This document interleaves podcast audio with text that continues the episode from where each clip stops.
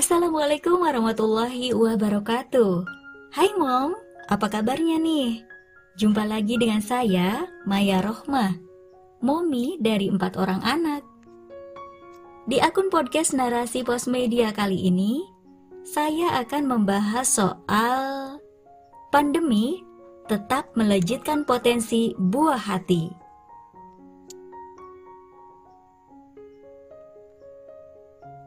PPKM diperpanjang lagi, sekolah daring lagi. Orang tua lelah, anak pun bosan. Bahkan mulai kecanduan games ataupun tontonan dari gadget. Mau jadi apa generasi kita ke depannya ini ya, Mom?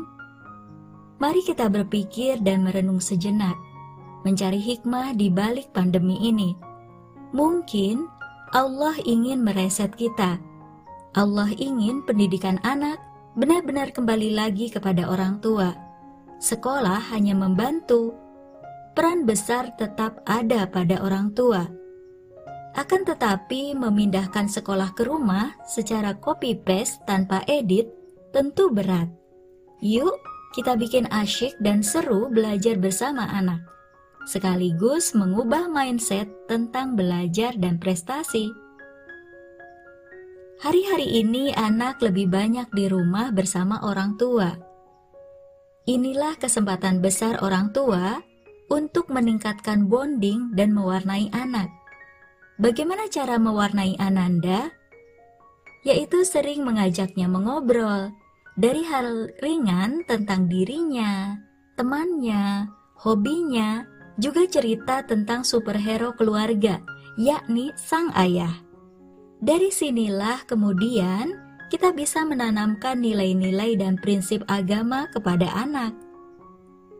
Ketika anak lebih banyak di rumah, inilah kesempatan besar untuk mengajarkan anak life skill. Kita perbantukan mereka dalam urusan domestik. List pekerjaan domestik yang dilakukan anak pun bisa lebih banyak dan durasinya juga lebih lama mendelegasikan tugas menyapu halaman, membuang sampah, menyiram tanaman, memberi makan hewan peliharaan, mencuci piring tiap selesai makan, atau menjaga adik. Belajar tak harus duduk rapi pegang buku kan, Mom? Bahkan ketika anak mampu melakukan pekerjaan rumah, ternyata bisa meningkatkan kepercayaan dan kapasitas dirinya. Insya Allah, generasi pandemi lebih mumpuni life skillnya. Tak hanya life skill, tapi juga survive skill. Kita ajarkan bagaimana tetap bertahan di era pandemi, seperti makan apa adanya, pengeluaran uang hanya untuk yang penting saja. Bahkan, kalau anak menuju atau sudah balik, diajak mencari tambahan penghasilan. Seru pastinya. Masalahnya, banyak keluhan ketika anak di rumah saja, yang akhirnya anak lebih banyak main dengan anak tetangga dekat rumah. Sebenarnya ini bukan masalah besar, hanya perlu dimanage dengan baik. Fitrahnya anak memang ingin dan suka main dengan teman sebayanya. Bosan juga kalau di rumah terus sebagaimana kita orang dewasa. Apalagi jika anak sudah semakin besar dan mandiri, dorongan untuk berkumpul dengan teman sebaya semakin kuat, terlebih untuk anak laki-laki. Mereka memang harus bergaul dan punya link pergaulan yang luas. Mom, pahamkan mereka tentang manajemen waktu. Ada waktu belajar, ada waktu bermain. Pagi sampai siang adalah waktu belajar daring. Siang sampai sore adalah istirahat Sore waktunya bermain di sekitar rumah.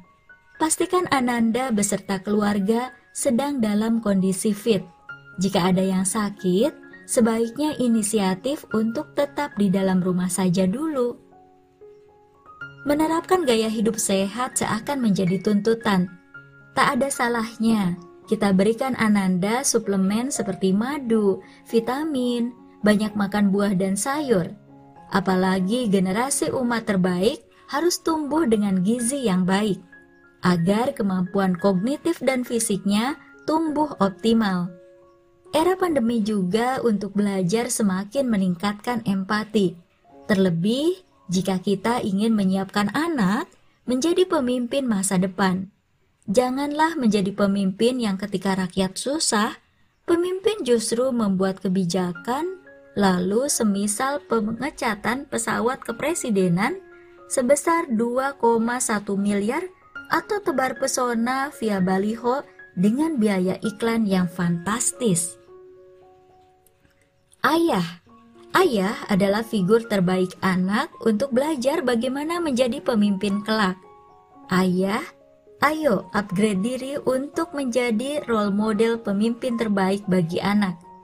Mendidik anak sejatinya adalah mendidik kita sendiri. Jika ingin mengubah anak, kita harus berbenah terlebih dahulu. Ayah bisa menjadikan Rasulullah sebagai teladan Kepemimpinan Rasulullah sebagai kepala keluarga dan kepala negara sudah tidak diragukan lagi. Menyusun kurikulum keluarga adalah ide bagus agar ayah ibu semakin kompak dan jelas visinya dalam mendidik anak. Kurikulum keluarga ini tentu berbeda antara satu keluarga dengan yang lain. Untuk menyusunnya, bisa diawali dengan pembahasan anak kita kelak disiapkan menjadi apa? Apakah menjadi ulama, ilmuwan, pebisnis, calon pemimpin, atau meneruskan usaha yang sudah dirintis orang tuanya? Katakanlah, ayahnya CEO suatu perusahaan. Jika anak dipersiapkan untuk jadi penerusnya, tentu dipersiapkan mendidik jiwa leadernya. Apa saja yang dibutuhkan untuk menjadi leader Misal sering diajak ke kantor ayah, menyaksikan ayah bekerja dan mengarahkan timnya. Ayah sering mengajak ngobrol tentang bagaimana membangun tim dan sebagainya. Jika ingin anak jadi pebisnis, bisa dimulai dengan mengajaknya belajar jualan, belajar melayani orang, membangun kepercayaan dan relasi, serta menjadi penyampai informasi yang baik. Dikenalkan profil pebisnis muslim yang sukses baik di era Rasulullah dan para sahabat ataupun pebisnis zaman now. Tentu untuk mencapai target tersebut butuh belajar dan bimbingan. Dari kurikulum keluarga lah semua itu mulai dicanangkan dan direalisasikan. Sebagai bagian dari rakyat, kita hanya bisa berusaha di lingkaran kekuasaan kita seperti berusaha tetap optimis dan husnuzon bahwa kita tetap bisa menghasilkan generasi terbaik.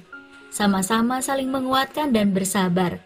Tapi jika kapasitasnya sebagai penguasa, tentu tak cukup hanya mengimbau sabar.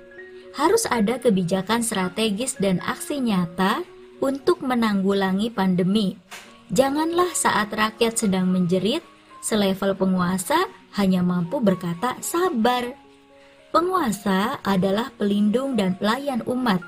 Sungguh, di tengah rakyat yang berusaha tetap optimis di kondisi yang serba sulit ini, tetap urgent hadir sosok penguasa selevel Umar bin Khattab. Kita juga butuh ada perubahan sistem negara ini menjadi sistem Islam kafah, sehingga lebih memudahkan upaya kita untuk mendidik anak. Semoga kita mampu melahirkan generasi umat terbaik sekaligus pemimpin terbaik, seperti generasi sahabat yang dididik langsung oleh Rasulullah. Tentunya, jika kita ingin hasil yang mendekati generasi didikan Rasulullah, harus mencontoh metode pendidikannya, yakni dengan menderaskan sakofah Islam. Kurikulumnya berbasis akidah Islam, sehingga terbentuk generasi yang bersaksiah Islam pola pikirnya Islam, pola sikapnya juga Islam. Inilah kunci mendidik generasi yang akan tetap bisa unggul di kala pandemi. Mom, cita-cita kita sangat besar, melahirkan calon pemimpin masa depan generasi yang akan menjadi pengisi kejayaan peradaban Islam yang saat ini sedang kita perjuangkan. Sudah alamiahnya, akan butuh pengorbanan dan dedikasi yang besar. Tetap semangat untuk para orang tua di mana pun berada. The biggest asset is the world is your mindset. Yuk, ubah mindset kita. Bunga mawar bunga melati, meski pandemi, tetaplah semangat mendidik buah hati.